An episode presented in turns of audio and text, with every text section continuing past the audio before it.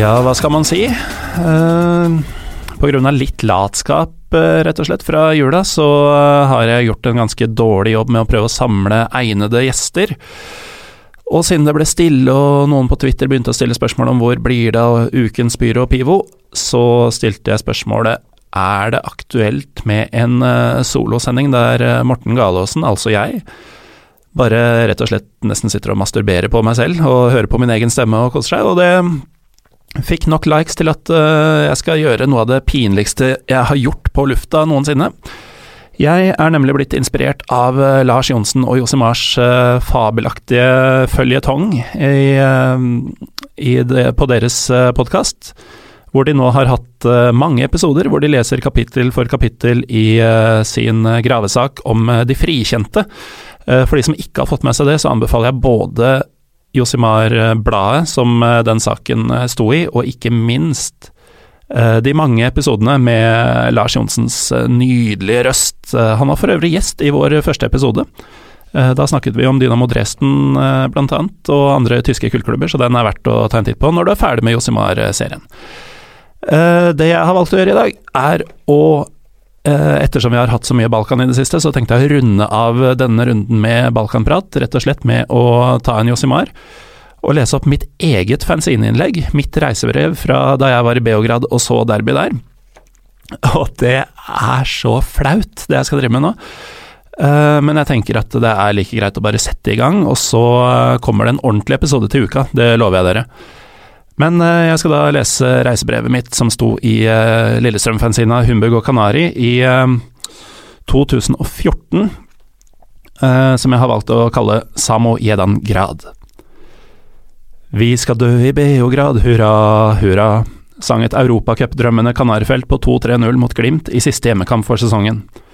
Det samme tenkte Baloo, Ladyboy og undertegnede i fjor vinter, og da førstnevnte staka ut avreisetider og billige flybilletter, var veien kort fra tanke til handling. Wizz Air fløy oss fra Torp for en slikk og ingenting, og Baloos serbiske venn Nikola kunne garantere kampbilletter. Lett som en plett. Med slike flypriser så vi oss nødt til å legge noen ekstra grunker i oppholdskassa, så vi leide oss en griseporno leilighet, bokstavelig talt et steinkast unna Røde Stjernes legendariske stadion Maracana, eller Stadion Cervena Zvesta, som det egentlig heter. Stadionnavnet er vanskelig, sier du? Nei da. Cervena Zvesta er nemlig Røde Stjerne, og vips, så var det slutt på bruk av det norske navnet i denne artikkelen. Uansett, leiligheten hadde tre soverom, da fikk vi faktisk ett hver. En fet stue, kjøkken, stor balkong og to bad. Ypperlig for menn på heisatur. Mannen som henta oss på flyplassen, eh, hvis navn jeg glemmer, han het sikkert Dejan eller Ninoslav, tilbød seg å kjøre oss eh, på byen siden det var fredag og vi tydelig var klare for litt kveldsmoro. På veien kunne han fortelle oss at vi nå kjørte gjennom det området som de lokale bare kalte Silicon Valley. En kjapp titt på skliene forklarte hvorfor. Litt senere tok vi oss inn på en småhipp rockebule med liveband og, jo da, råbillig øl. Vi tok oss et par glass før vi fant ut at her var det kult, men altfor bråkete for gamle menn som oss, så vi stakk og kjøpte pølse og øl som vi nøt på fortauet i stedet. Lørdag. Match, eller mech, som Baloo innstendig hevder at det heter på serbisk. Vi tar oss en vandring i nabolaget på jakt etter en kiosk eller butikk hvor vi kunne fylle opp kjøleskapet. Finner det kjapt, hamstrer øl og snacks, og går videre til første og beste frokoststed, i anførselstegn. Som ventet når menn er på tur, blir det middag til frokost. Mixed grill, balkanstyle, med jævlig mye kjøtt og krydra poteter. Og øl. Dernest en meget kjapp tur innom sentrum for å titte litt på byen og bertene som bor der.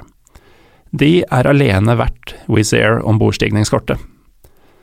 Vel tilbake i leiligheten kommer billettmannen Nicolas innom, og får selvfølgelig en øl der vi sleiker sol og hører på partisanlåter på balkongen. Men hva faen, hvorfor har dere kjøpt montenegrinsk øl? er omtrent det første han sier. Selv var jeg i Sarajevo et snaut år i forveien og fikk kjeft for å drikke slovensk øl der.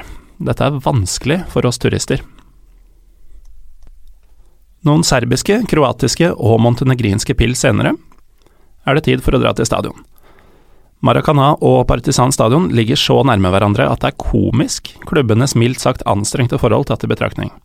Så vi går til fots. Herregud, så mange snut vi går forbi. De ligger i flokk i busker, de står i flokk på gatehjørner, de står i flokk i parker, og de har alle på seg verneutstyr av en annen verden. Kontrasten til de folkelige folkefestene i Tyskland, der supportere av begge lag står og drikker øl sammen utenfor stadion før match, kunne nesten ikke vært større. Dette er faen meg alvor. Du leker ikke motsetninger på Balkan.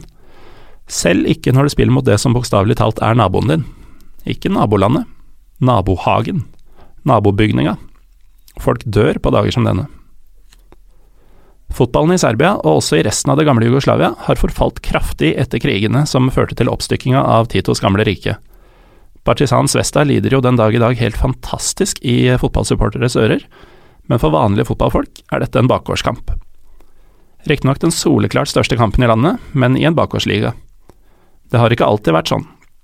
Cervena Svesta vant eh, serievinnercupen, det vi i dag kjenner som Champions League, så sent som i 1991. Da med en spillergruppe som skulle begeistre en hel fotballverden i årene som kom.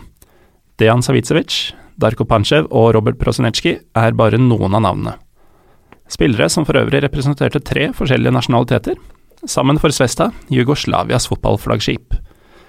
Laget besto utelukkende av spillere fra Balkan, og feide Vest-Europa av banen. Da daværende Glasgow Rangers-manager Graham Sunes sendte sin assistent Walter Smith for å speide på laget før de skulle møtes det året, skal Smiths rapport til sjefen kun ha bestått av to ord – we're fucked. Partisan er heller ingen smågutter.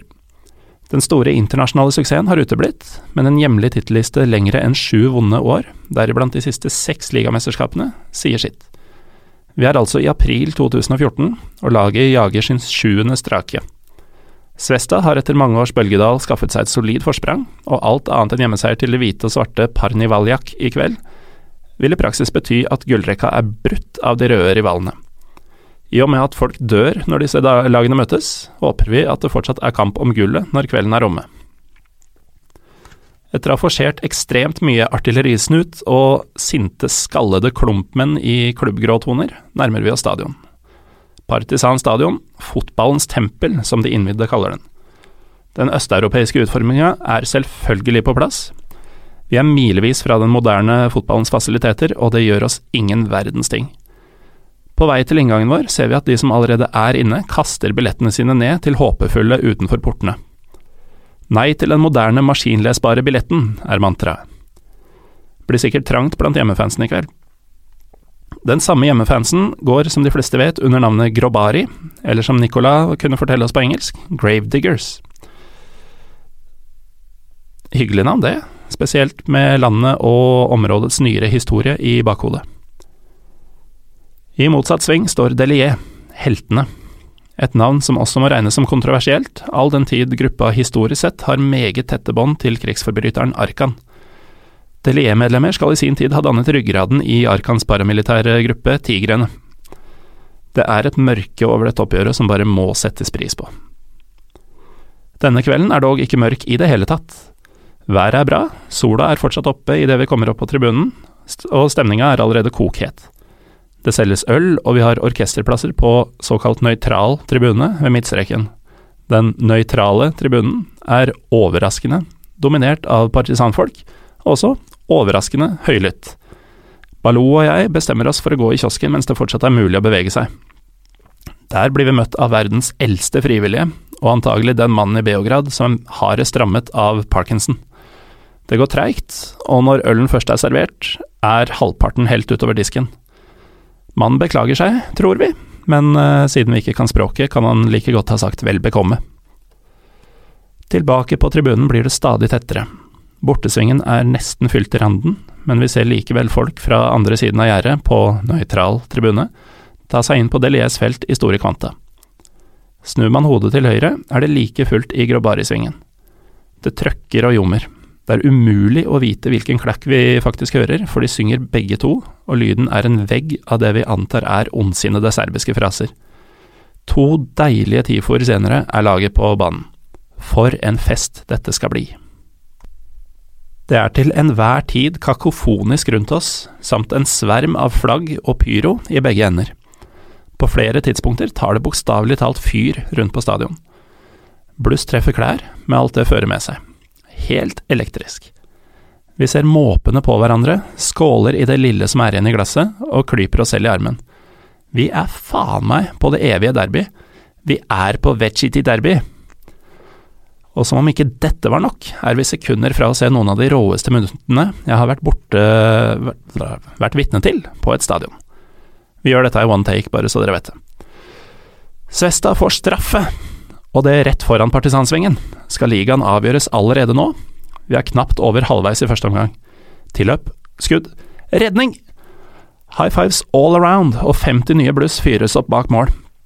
Keeper setter kjapt i gang. Fin overgang av Partisan, stygg takling, frispark fra 20 meter, denne gang for Partisan, mot Svesta-fansen. Mindre enn ett minutt er gått siden straffemissen. Den Beograd-fødte montenegrineren Nikola Drincic tar tilløp. For en bue! På Beckhamsk vis sender han partisanen i ledelsen til en eksplosjon av lys, lyd og flagg her på fotballens tempel. 1-0 til Partisan.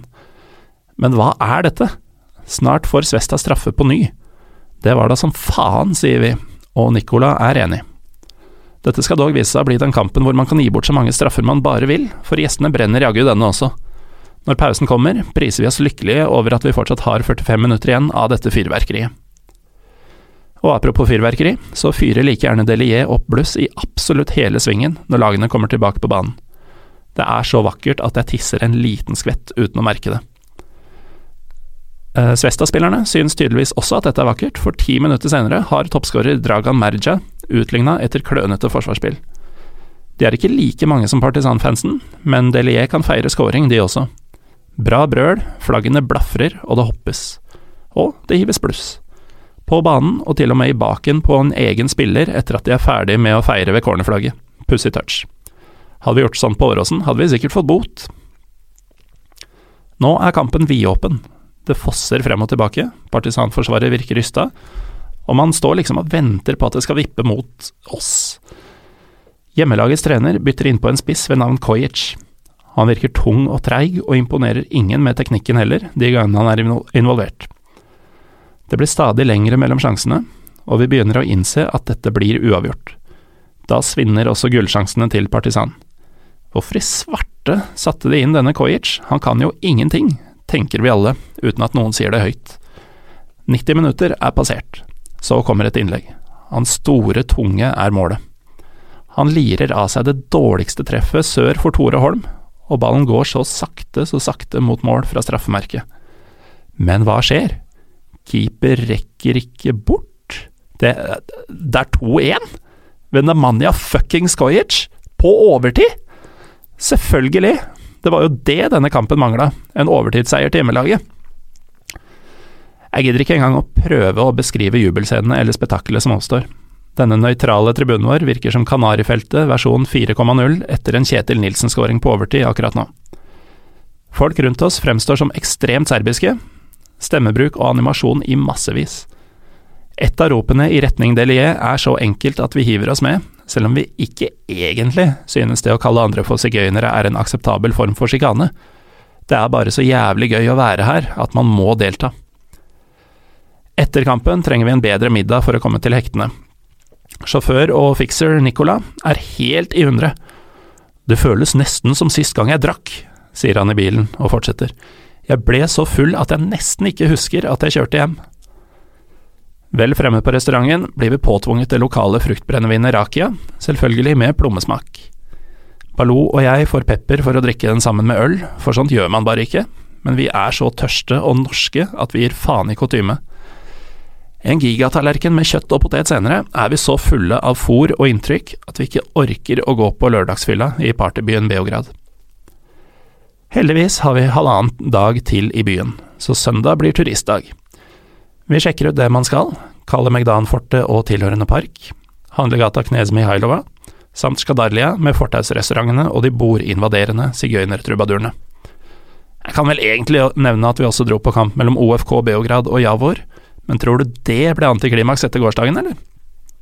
Det mest minneverdige var toalettet, hvor vi aldri ble sikre på om vi pissa i en slags urinal, eller om det var sluket på en gammel dusj møkkete på nivå med fasilitetene til bortetribunen på Bieli Brieg stadion i Mostar, for de som har vært der. Senere på dagen dro vi på finalen i den serbisk-kroatiske basketligaen. På forhånd hadde vi håpa på Partisan Svesta her også, i et fullstappa Kombank Arena, men begge lagene fant det best å tape semifinalene mot kroatiske lag, så dette ble også fryktelig trist. På kvelden prøver vi etter beste evne å drikke oss fulle, men finner fort ut at søndag ikke er lørdag, og gir oss etter lang tids vandring på jakt etter livlige vannhull. Vi kan uansett, idet vi kjører forbi Arkans popstjerne Enkes Tsetsas villa på vei til flyplassen, slå fast at Beograd som by, og partisan Svesta som match, leverer så deilige varer at vi knapt kan vente til vi er hjemme med å tilfredsstille oss selv til minnene. Det var altså min uh, rølpete versjon av uh, turen uh, Baloo, Ladyboy og jeg hadde til Beograd i 2014. Uh, håper den stilna tørsten etter en ny ordentlig Pyro Pivo-episode, som jeg kan mer eller mindre love at kommer på tirsdag. Da har jeg invitert representanter for diverse norske supporterklubber for å diskutere hvordan situasjonen er i norsk tribunekultur for tiden. Eh, så det håper jeg blir interessant. Jeg kan også nevne at jeg sysler med et lite prosjekt som, eh, som jeg tror blir ekstremt kult, men eh, mer om det når, det når noe håndfast foreligger. Bare en liten teaser der. Til neste gang, vi er Pyro Pivopod på Twitter og Instagram. Rate oss også gjerne i iTunes hvis du er Apple-bruker. Um, ja, jeg heter Morten Galaasen. Vi høres